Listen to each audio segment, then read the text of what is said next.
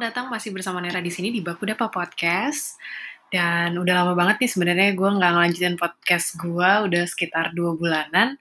Tapi um, gue masih ada utang nih sama teman-teman semua karena kemarin di dua episode terakhir itu kan ceritanya gue ngebahas tentang episode cinta-cintaan gitu kan. Yang pertama tentang uh, love yourself, yang kedua tentang jodoh atau pasangan hidup, dan sekarang ini adalah uh, yang terakhir uh, dari episode cinta-cintaan ini um, gue rencananya mau bahas toxic relationship. Nah, jadi ceritanya pembahasan gue yang hari ini itu lumayan cukup uh, panjang persiapannya karena gue ceritanya tuh research dulu sering baca-baca artikel, terus sering ngobrol-ngobrol sama teman-teman yang benar-benar pernah ngalamin ataupun sama ahlinya, maksudnya uh, dari psikolog atau dari teman-teman gue yang memang belajar seputar ilmu kejiwaan tentang yang namanya toxic relationship. Sempat juga beberapa kali denger-dengar uh, webinar-webinar uh, yang memang lagi ngomongin tentang uh, sesuatu yang berkaitan dengan toxic relationship ini. Jadi gue berharap semoga summarize yang gue lakukan ini bisa lumayan kasih insight ke teman-teman. Syukur-syukur kalau berguna gitu ya. Nah, pada hari ini ceritanya gue ini pengen ngebahas tentang ciri-ciri apa sih yang dinamakan toxic relationship, uh, terus uh, harus ngapain, harus gimana gitu kalau misalnya kita lagi stuck di situ. Nah, sebenarnya uh, perlu digarisbawahi bahwa uh, toxic relationshipnya setiap orang itu kan beda-beda ya guys. Jadi kayak uh, yang menurut gue toxic belum tentu yang menurut lo toxic gitu. Dan maksudnya uh, harus dilihat dari sisi lu sendiri. Jadi memang kita harus balik lagi ke uh, apa ya sudut pandang diri kita masing-masing gitu. Kalau kalian uh, mencermati yang dari kemarin dua episode terakhir itu memang definisi yang gue sampaikan di uh, definisi-definisi tentang percintaan, tentang hubungan, uh, entah pertemanan, entah percintaan itu memang harus uh, disesuaikan sama diri kita sendiri. Nggak bisa tuh kayak kita pakai sudut pandang orang lain. Karena lagi-lagi yang baik menurut kita belum tentu baik menurut orang. Dan standar uh, sayangnya seseorang, standar toksiknya seseorang juga gitu, nggak bisa disamain setiap orang. Cuman uh, ini gue di sini ngomong berdasarkan generalisasinya aja gitu. Kira-kira uh, ciri-ciri yang kebanyakan orang alamin atau gue drag down kayak mayoritas yang orang omongin kalau uh, lagi ngalamin toxic relationship tuh apa sih sebenarnya ciri-ciri yang kebanyakan mereka alami gitu ya. Yang pertama, you feel special when they're nice to you because you're the exception to how they treat others. Um, frase ini tuh bikin gue inget sama obrolan gue sama nyokap gue. Jadi ceritanya nyokap gue tuh bilang, kalau lagi deket sama orang, terus orang itu baik sama lu, itu lu jangan seneng gitu. Karena of course they will be they will be very good to you gitu kan. They try to win your heart. Tapi lihat bagaimana cara uh, seseorang memperlakukan uh, orang lain yang tidak ada kepentingan sama dia gitu bahkan you can see you can see how they treat misalnya waitress atau uh, orang tuanya sendiri atau keluarganya sendiri adiknya gitu atau kakaknya yang memang sudah uh, sehari-hari sama mereka jadi kayak nggak ada tendensi apa-apa dari orang itu ke mereka kan nah lihat dari situnya jadi um, kecenderungan orang uh, memperlakukan keluarganya sendiri dan orang yang tidak ada kepentingan sama dia itu reveals who they really are gitu sih. Itu yang pertama. Jadi kalau misalnya ada seseorang yang kayaknya tuh baik banget sama lu, tapi kok kasar sama tukang parkir, atau ngeluh terus sama waitress dan cenderung kasar gitu sama waitress, nah itu tuh udah red flag tuh sebenarnya, karena itu merupakan satu sign bahwa he's not being true or she is not being true her or himself gitu loh. Yang kedua, uh, ciri-cirinya adalah you're always walking on eggshells.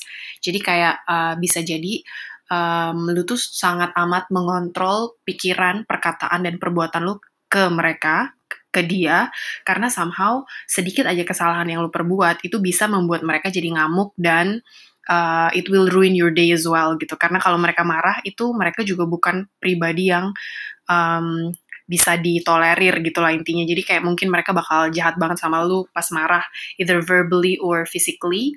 Tapi lu bener-bener menemukan diri lu tuh lagi um, takut atau mengontrol sedemikian rupa bagaimana mungkin obrolan lu sama mereka atau cara lu menyampaikan sesuatu itu bener-bener uh, bikin lu jadi nggak nyaman gitu. Yang ketiga, ciri-cirinya adalah uh, mereka ini atau orang-orang yang toxic ini biasanya itu somehow bisa mengubah sudut pandang. Jadi misalnya kalian lagi punya masalah, tadinya itu lu upset about something dan pas lu omongin ke mereka, somehow mereka bisa punya ability untuk merasionalisasikan masalah itu jadi seolah-olah itu masalah lu.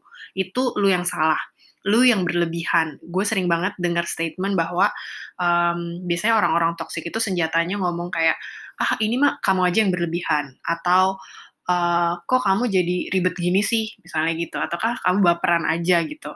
Atau somehow kalau yang keren banget nih mereka bisa memutarbalikkan fakta sehingga somehow jadi lu yang salah gitu. Lu yang uh, aku kan kayak gini karena kamu begini-begini gitu. Jadi itu perlu uh, itu perlu digarisbawahi sih. Biasanya kan kalau yang sehat itu kan kalau ada masalah okay, then uh, I make you upset or I make you um, ya upset gitu lah ya. So I'm sorry I will um, I will I will fix it gitu. Dan somehow kalau misalkan emang ada sesuatu yang perlu diubah dari diri lu ya mereka akan ngomong uh, dengan ya dengan bagaimana diskusi selayaknya gitu. Tapi somehow kalau sama toxic relationship ini sorry toxic person ini itu jadi salah-salahan doang gitu isinya. Kayak gitulah intinya Ciri-ciri yang keempat sebenarnya ada relasinya sama, ada hubungannya sama yang kemarin uh, episode sebelumnya yang gue omongin tentang uh, jodoh. Jadi um, ciri-ciri yang keempat ini adalah um, somehow you find yourself uh, become their lawyer when uh, you're talking about your significant other or your friends ke um, teman terdekat atau keluarga lu gitu. Maksudnya kayak uh, somehow tuh lu menerima um, apa ya kayak komentar negatif atau reaksi negatif dari teman teman terdekat yang paling kenal sama diri lu ataupun dari keluarga yang paling kenal sama diri lu gitu. Jadi uh, somehow lu jadi end up uh, jadi kayak membela mereka terus gitu. Kayak enggak kok dia nggak gini orangnya. Ah lu tuh nggak kenal sama dia aja. Makanya lu punya pikiran kayak gini bla bla bla. Gitu. Jadi itu kayak semacam red flag. Soalnya gue percaya banget bahwa orang yang paling kenal sama kita itu kayak kenal kenal luar dalam kita kan. Jadi bisa keluarga kalau lu deket sama keluarga bisa juga sahabat kalau lu emang uh, deket banget sama sahabat lu.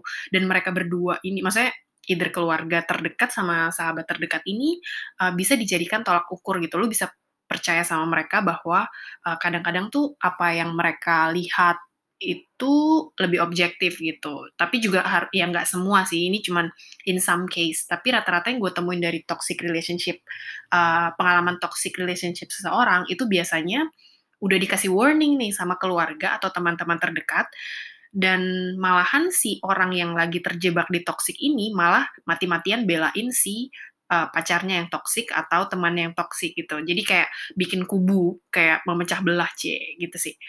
Um, ini ciri-ciri yang keempat. Ciri-ciri yang kelima adalah uh, lu tuh merasa bahwa lu tuh akar permasalahan. Jadi somehow di toxic relationship ini kebanyakan jadi uh, banyak bawa uh, self blaming gitu sama orang-orang yang lagi terjebak di dalamnya. Jadi lu tuh ngerasa kok gue gini ya, kok gue nggak cukup, gue kurang apa sih?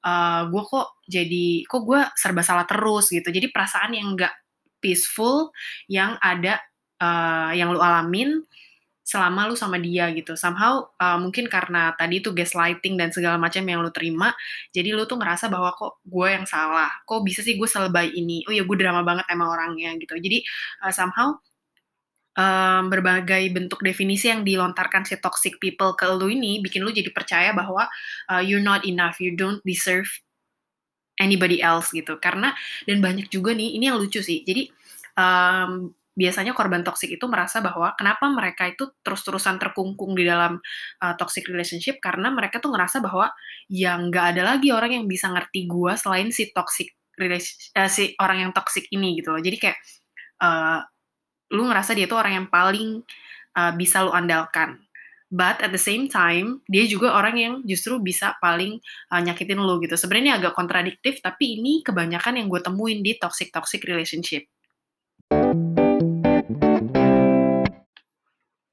Selanjutnya, ciri-ciri dari toxic relationship biasanya kita tuh menjadi uh, menoleransi atau kita jadi punya toleransi terhadap uh, lows kayak apa ya kondisi yang rendah banget di mana kita sedih, di mana kita um, kecewa sama diri kita sendiri gitu, itu itu kita jadi terbiasa, kita jadi mentoleransi hal itu semua karena atau hanya karena beberapa hal yang menyenangkan yang terjadi beberapa kali aja gitu.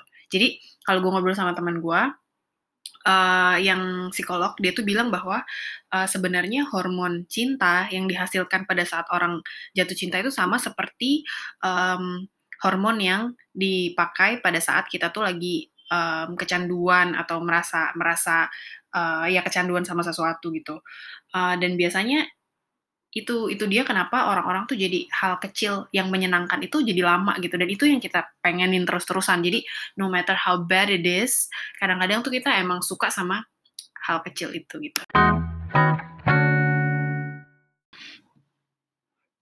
Nah, ciri-ciri yang terakhir, ciri-ciri keenam uh, tentang toxic relationship adalah saat lu mendengarkan uh, ciri-ciri dari 1 sampai 5 tadi itu membuat lu berpikir atau membuat lu ingat tentang seseorang. Nah, itu adalah ciri-ciri terkuat dan ciri-ciri yang um, red flag gitulah bahwa lu lagi ada di toxic relationship.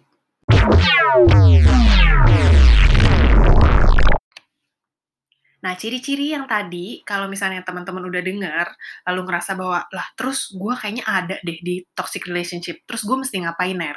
Gitu kan. Soalnya, mungkin kalau misalnya teman-teman memang sudah ada di toxic relationship, biasanya udah bingung nih mau cerita ke siapa, karena hampir semua orang terdekat itu um, udah pernah tahu bahwa lu tuh lagi nggak bener gitu masa lu lagi nggak bu sorry bukan nggak denger nggak bener cuman kayak lu tuh lagi ada di posisi di mana ya lu tuh harusnya keluar dari situ lu tau lah jawabannya kayak gimana gitu. Jadi kayak lu mau cerita ke orang juga takut karena takut I told you I told you gitu. Maksudnya orang-orang juga jadi kayak malah menggurui lu atau take your side and then hate your significant others atau mungkin your friend uh, anybody yang naruh lu di posisi toxic relationship itu gitu kan. Jadi terus gue mesti ngapain? Nah menurut gue ada beberapa kali tuh temen gue yang memang menurut gue lagi ada di toxic relationship cerita ke gue. Nah, gue tuh ngerasa bahwa sebagai seorang teman, gue tuh nggak bisa kayak ngasih tahu langsung ke mereka bahwa oke, okay, uh, eh, lu mesti keluar dari situ atau lu mesti gini, lu mikir lah lu mesti gini gini gini. Menurut gue hal terbaik yang gue lakukan sebagai teman adalah just be there for them. Karena no matter how many times I say to them kayak gila dia sih bener-bener gak cocok buat lo, lu mesti gini, lu mesti gitu. Gak bakal men, jadi lu tuh sebagai teman gak mungkin bisa mengharapkan bahwa dia tuh langsung begitu dengar statement dari lu dia nggak bagus langsung punya keberanian keluar dari toxic relationship itu hampir nggak mungkin sih. Yang gue lihat ya yang gue lihat patternnya itu adalah harus ada bertubi-tubi dulu berproses dulu lumayan panjang, kadang melelahkan, dan kadang sebagai temen juga lu tuh nggak sabar gitu ngeliat saudara lo atau sahabat terbaik lu misalnya ada di kondisi itu. Maksudnya kayak, come on man, you don't deserve that gitu kan. Cuman somehow ya mereka harus berproses dulu, karena menurut gue orang yang uh, ada di toxic relationship itu it's complicated. Maksudnya kayak apa yang terjadi di pikiran dan hati mereka itu nggak cuman sekedar kok mereka mau sih digituin itu nggak sih menurut gue. Ada hal lain uh, yang mungkin nggak kita nggak tahu gitu, undiscovered yet gitu. Mungkin ada kaitannya sama unfinished luggage, unfinished uh, emotion yang ada mungkin di bagian hidup mereka, misalnya kayak uh, masa kecil mereka atau apa yang mungkin butuh validasi dari orang yang uh, toksik ke mereka itu gitu. Jadi emang mesti harus ada uh, apa ya penelaahan lebih lanjut lagi sih gitu. Jadi itu sebagai temen. Kalau misalnya menurut gue, jadi itu kenapa kalau gue sama teman-teman gue yang cerita ke gue misalnya kayak di abuse verbally sama pacarnya apa segala macam gue tuh nggak lagi yang kok lebih gue banget sih? Lu mau aja digituin gitu. Nggak. Menurut gue kayak oh pasti must be something happening um, terhadap orang ini so as a good friend gue akan di situ gue akan temenin dia kapan pun dia butuh gue akan ada di situ gitu ya memang uh, gue akan pakai afirmasi positif terus-terusan bahwa kasih tahu bahwa you're worthy uh, you're more than what they uh, told you gitu. Maksudnya kayak ya emang afirmasi positif itu tetap perlu gitu. Cuman nggak bisa secara instan kita kasih keberanian mereka buat ayo guys kayak uh, ayo girls kayak lu mesti keluar dari sini atau segala macam gitu enggak. Itu kan sebagai temen ya.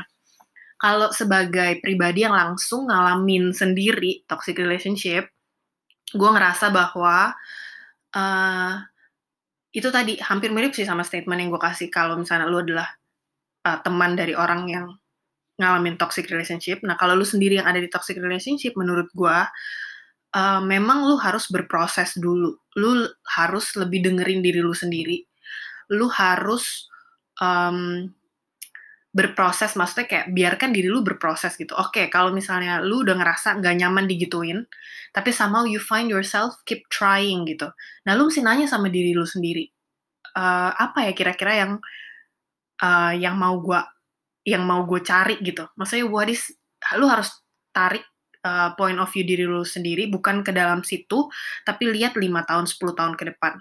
Is it really going to be worth it gitu. Menurut gue sih itu.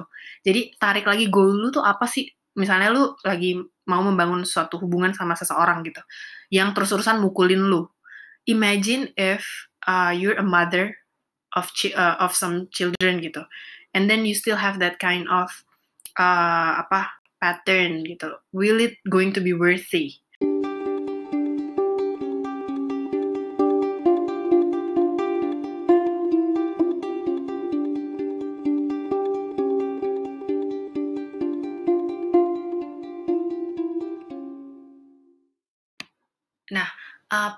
Pemahaman gue selanjutnya tentang toxic relationship itu adalah bahwa sebenarnya kalau misalnya kita punya satu hubungan yang struggling gitu ya, itu juga bukan melulu itu adalah toxic relationship ya guys. Jadi kalau misalnya kita berantem atau kita ada penyesuaian berproses lalu ada uh, gesekan sama pasangan sama temen sama siapa pun itu bukan berarti um, kita bisa semudah itu bilang oke okay, uh, dia bikin gue sedih berarti ini toxic jadi sebenarnya nggak gitu sih. Jadi yang mesti di underlinein pada saat toxic relationship itu adalah ini tuh kejadian yang uh, apa ya semacam melulu terjadi terus-terusan terjadi terus makin lama tuh makin drag you down makin lama makin makan uh, values lu makin uh, mendegradasikan hubungan lu uh, apa cara pandang lu terhadap diri lu. Bukannya build you up malah drag you down gitu. Itu hal-hal yang perlu uh, digarisbawahin. Tapi yang namanya hubungan itu nggak ada yang maksudnya menurut gue sih semuanya uh, pasti ada plus minus lah. Jadi uh, memang setelah gue ngobrol sama teman-teman juga bahkan yang sudah menikah dan sudah langgeng sedemikian um, tahun, sedemikian waktu, mereka tuh sepakat mengatakan bahwa yang nama hubungan itu nggak uh, ada yang gampang dan klik 100%. You need to plow through and work on that relationship gitu. Maksudnya emang harus ada yang dikorbankan, harus ada uh, prosesnya sendiri-sendiri itu memang gue percaya gitu. Dan mungkin uh, balik lagi ke teori gue yang bilang bahwa uh, frekuensi itu penting. Menurut gue kadang-kadang dalam satu hubungan toxic yang gue yang gue lihat, maksudnya either pengalaman gue pribadi atau ngelihat uh, pengalaman orang lain, um, toxic relationship itu nggak melulu orangnya jahat sih menurut gue. Jadi kayak uh, it's simply because you guys are not in the same depth length gitu. Jadi kayak nggak sefrekuensi uh, somehow kalau misalnya nggak hati-hati itu bisa jadi uh, drag each other down gitu. Jadi kayak ya simply because you guys uh, not holding the same values atau mungkin sama-sama keras terhadap values masing-masing. Uh, ditambah dibumbui dengan pola komunikasi yang gak baik atau luggage uh, emotion yang belum finish. Jadi you guys have some kind of like um, apa ya traumatik di masa lalu atau gimana. Dan itu keras banget dan uh, ya udah cuman simply ketemu aja. Jadi lama-lama jadi ngegerus satu sama lain. Itu sebenarnya bisa bisa sangat uh, mungkin menciptakan toxic relationship gitu tapi ada juga memang toxic relationship yang memang pribadinya udah salah gitu. Maksudnya kayak butuh butuh berproses lebih lama sebelum dipersatukan sama orang. Ada juga maksudnya yang mungkin ada trauma yang mendalam atau mungkin ada semacam penyimpangan penyimpangan itu mesti diomongin ke ahlinya lagi sih. It's not my bukan um, kayaknya gue nggak bisa jauh-jauh ngebahasnya sampai ke situ gitu. Cuman um, kalau yang di sekitar gue sih gue ngeliatnya kayak gitu gitu. Jadi uh, semoga teman-teman bisa mengindikasikan uh, stage you guys. Kayak misalnya kalau misalnya kalian ada di situasi toksik berarti hmm, kalian mesti tahu harus ngapain. Mungkin uh, cari uh, second opinion mungkin cari uh, mungkin juga kontemplasi banyak-banyak ngobrol sama diri kalian sendiri. Maksudnya kayak uh, mau apa sih sebenarnya? Mau dibawa ke mana hubungan ini? Atau apa sih sebenarnya yang gue cari gitu. Jadi bener-bener tanya dan uh, mau untuk ngebuka diri sama jawaban yang teman-teman terima sendiri dari diri kalian sendiri.